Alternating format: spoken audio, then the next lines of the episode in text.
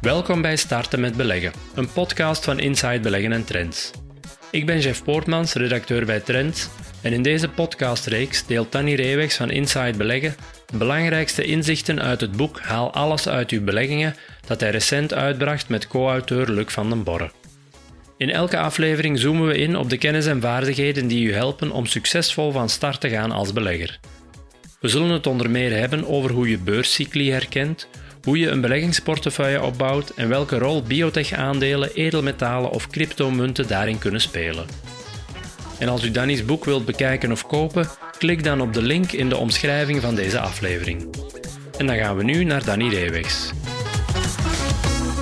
Ja, en Danny, we hebben in de vorige aflevering hebben we als het ware de basis gelegd voor onze beleggingsportefeuille. Jij sprak van een piramide, waarbij dat we onderaan een aantal waarden steken die voor een, een goede, solide fundering zorgen.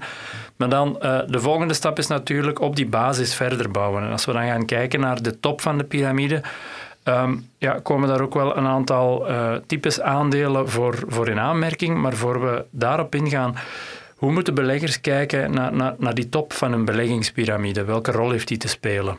Ja, dus je hebt je basis, dat is je fundament, die defensieve aandelen, die holdings, die vastgoedvernootschappen. Voor een beginnende belegger mag dat gemakkelijk drie kwart tot vier vijfde, dus 75 tot 80 procent van zijn portefeuille uitmaken. Uh, en dan heeft hij nog over die resterende ja, 10, uh, 20 à 25 procent. Ja. Naarmate je meer ervaren wordt, mag dat wat meer worden, maar houd toch altijd twee derde basis en een derde dan eventueel die, die top van die piramide.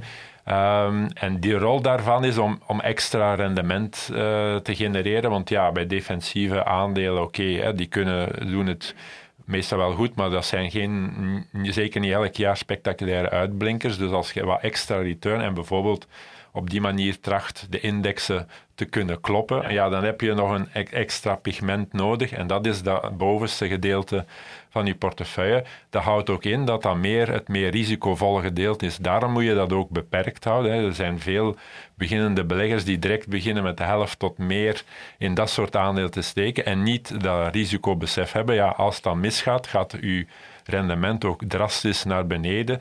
Dus dat is om iets extra toe te voegen, maar om te vermijden, eh, beperk je dat, want als het dan verkeerd uitgaat en het risico daarop is hier groter, ja, dan mag je rendement ook niet drastisch gaan, gaan terugvallen. Vandaar belang van die verhoudingen toch in acht te nemen. Het is heel aantrekkelijk om heel veel in meer risicovol aandelen te investeren, maar dan zonder te beseffen, ja, maar dat kan mijn rendement ook drastisch doen, uh, doen dalen.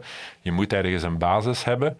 En daarop kan je een stukje verder bouwen. Ja, en we hebben het in de afgelopen afleveringen ook al, al verteld. Ja, beleggen is, is inspanning, het is oefenen. Als je dan gaat kijken naar de verhouding qua inspanningen, is dat dan ook iets waar je verhoudingsgewijs 20 tot 25 procent van je tijd aan hoeft te besteden? Of zijn het, zijn het uh, beleggingen die, die wat meer studeerwerk vragen? Ja, deze vergen toch iets meer studietijd omwille van het risicokarakter. Hè. Nestlé, oké, ja, dat, dat heeft zijn zijn vaste betekenis, dat is al jaar hetzelfde, dat, dat gaat op jaar op jaar niet veranderen, maar in de sectoren en de activiteiten die we hier gaan bespreken, ja, daar kan op één jaar heel veel veranderen, in goede, maar ook in slechte zin. En als het in slechte zin is, dan moet je het opmerken, niet heel laten reageren, want dan kan het, uh, de impact op je rendement op dat bedrijf kan, kan echt wel groot zijn.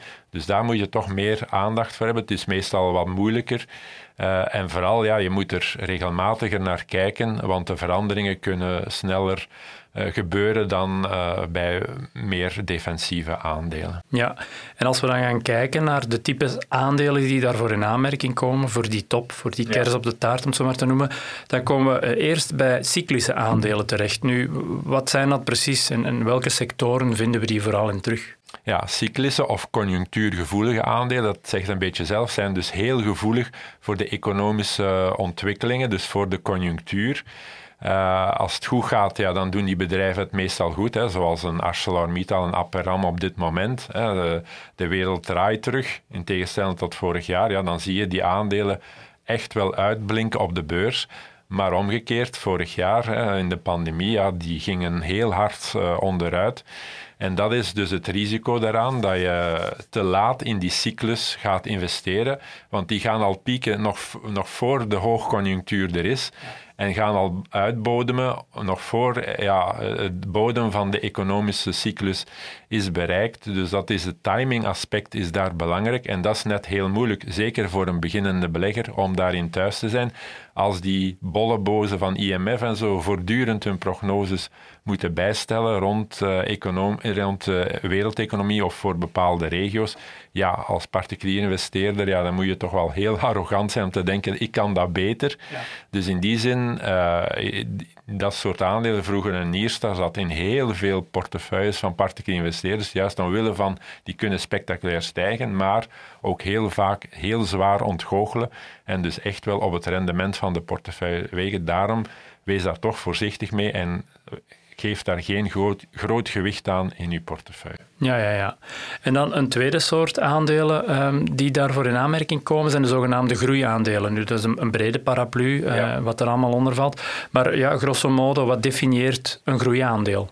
Ja, een groeiaandeel is, is meestal komt uit een nieuwe innovatie. Hè, dus uh, iets nieuws, een nieuwe kijk. Bijvoorbeeld een streamingbedrijf uh, als Netflix. Hè. Ja. Uh, dat is een nieuwe manier van tv kijken. Hè, dat komt op. Dat is de eerste om dat volledig uit te rollen en om daar een wereldspeler in te worden. En dan kan je een bedrijf dat voor die periode ongeveer 3 miljard dollar waard was, en zo zijn er zo honderden duizenden in de wereld, maar dan uitgroeit een bedrijf van, van een paar honderd miljard, omdat ze iets nieuw brengen en dat wereldwijd kunnen uitrollen.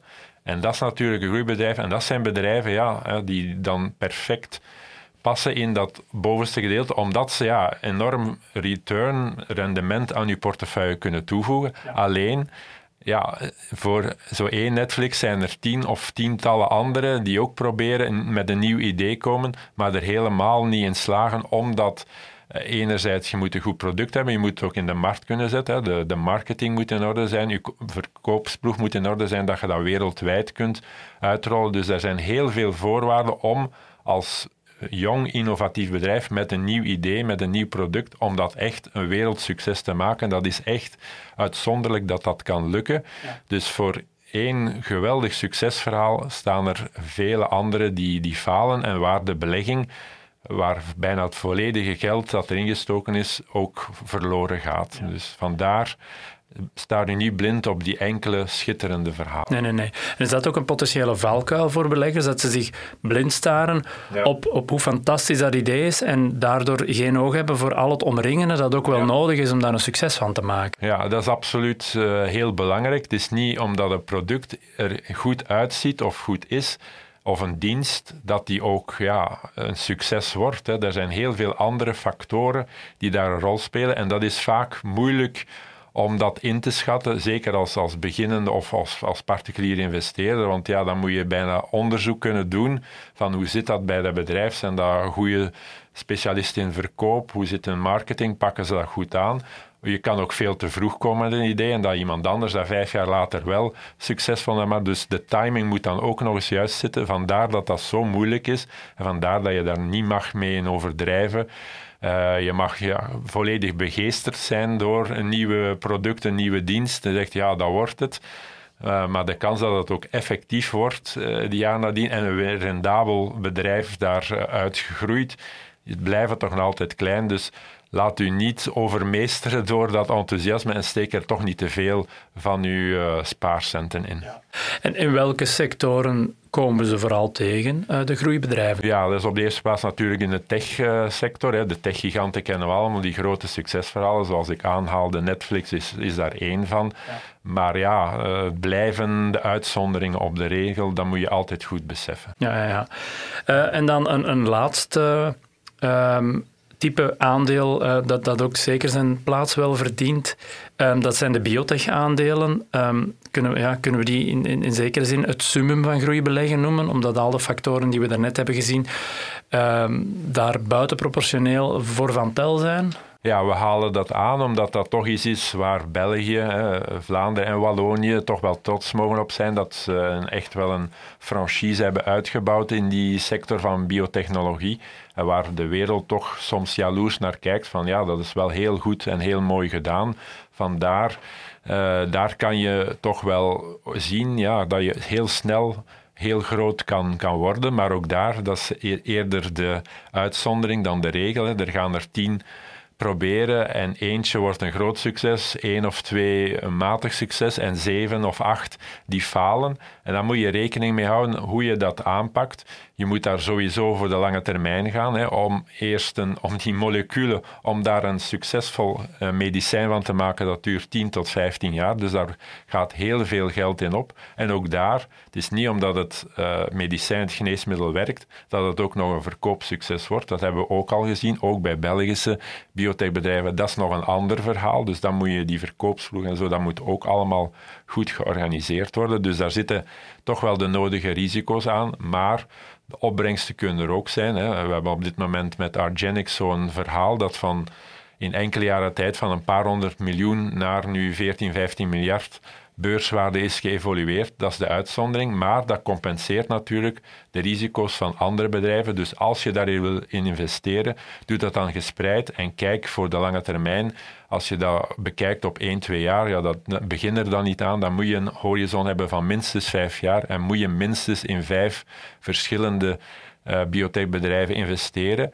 In de hoop dus dat minstens één uh, tot een groot succes uh, kan gevormd worden. Ja. Een ander aspect dat jullie in jullie boek aanhalen, dat voor biotech beleggen ook wel belangrijk is, is dat je je verliezers moet herkennen en er ook wel afscheid van moet kunnen nemen. Iets wat moeilijk is soms. Ja, wat de basis van hoeveel mensen beleggen is, ja, ze zien iets spectaculairs stijgen en dan nemen ze daar winst op.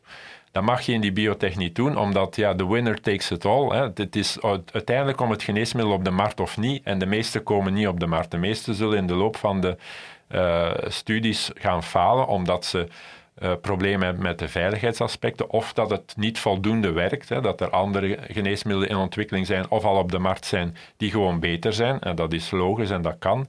Dus dan moet daarmee gestopt worden. Als een bedrijf natuurlijk maar heel weinig moleculen in de pijplijn heeft en daar de belangrijkste daarvan falen, ja, dan wordt het heel moeilijk, zo niet onmogelijk, om daar nog een succesverhaal van te maken. En dan moet je durven dat verlies nemen en niet wachten tot het, het, geïnvesteerd bedrag daarin volledig uh, wegvalt. Maar je mag ook bij de eerste verdubbeling je, winnaars niet, niet verkopen, omdat ja, als je heel klein bent, een paar honderd miljoen, maar de meeste geneesmiddelen verkopen voor honderden miljoenen, soms misschien zelfs een paar miljarden. Dus bedrijven kunnen dan spectaculair uh, stijgen in waarde op heel korte tijd.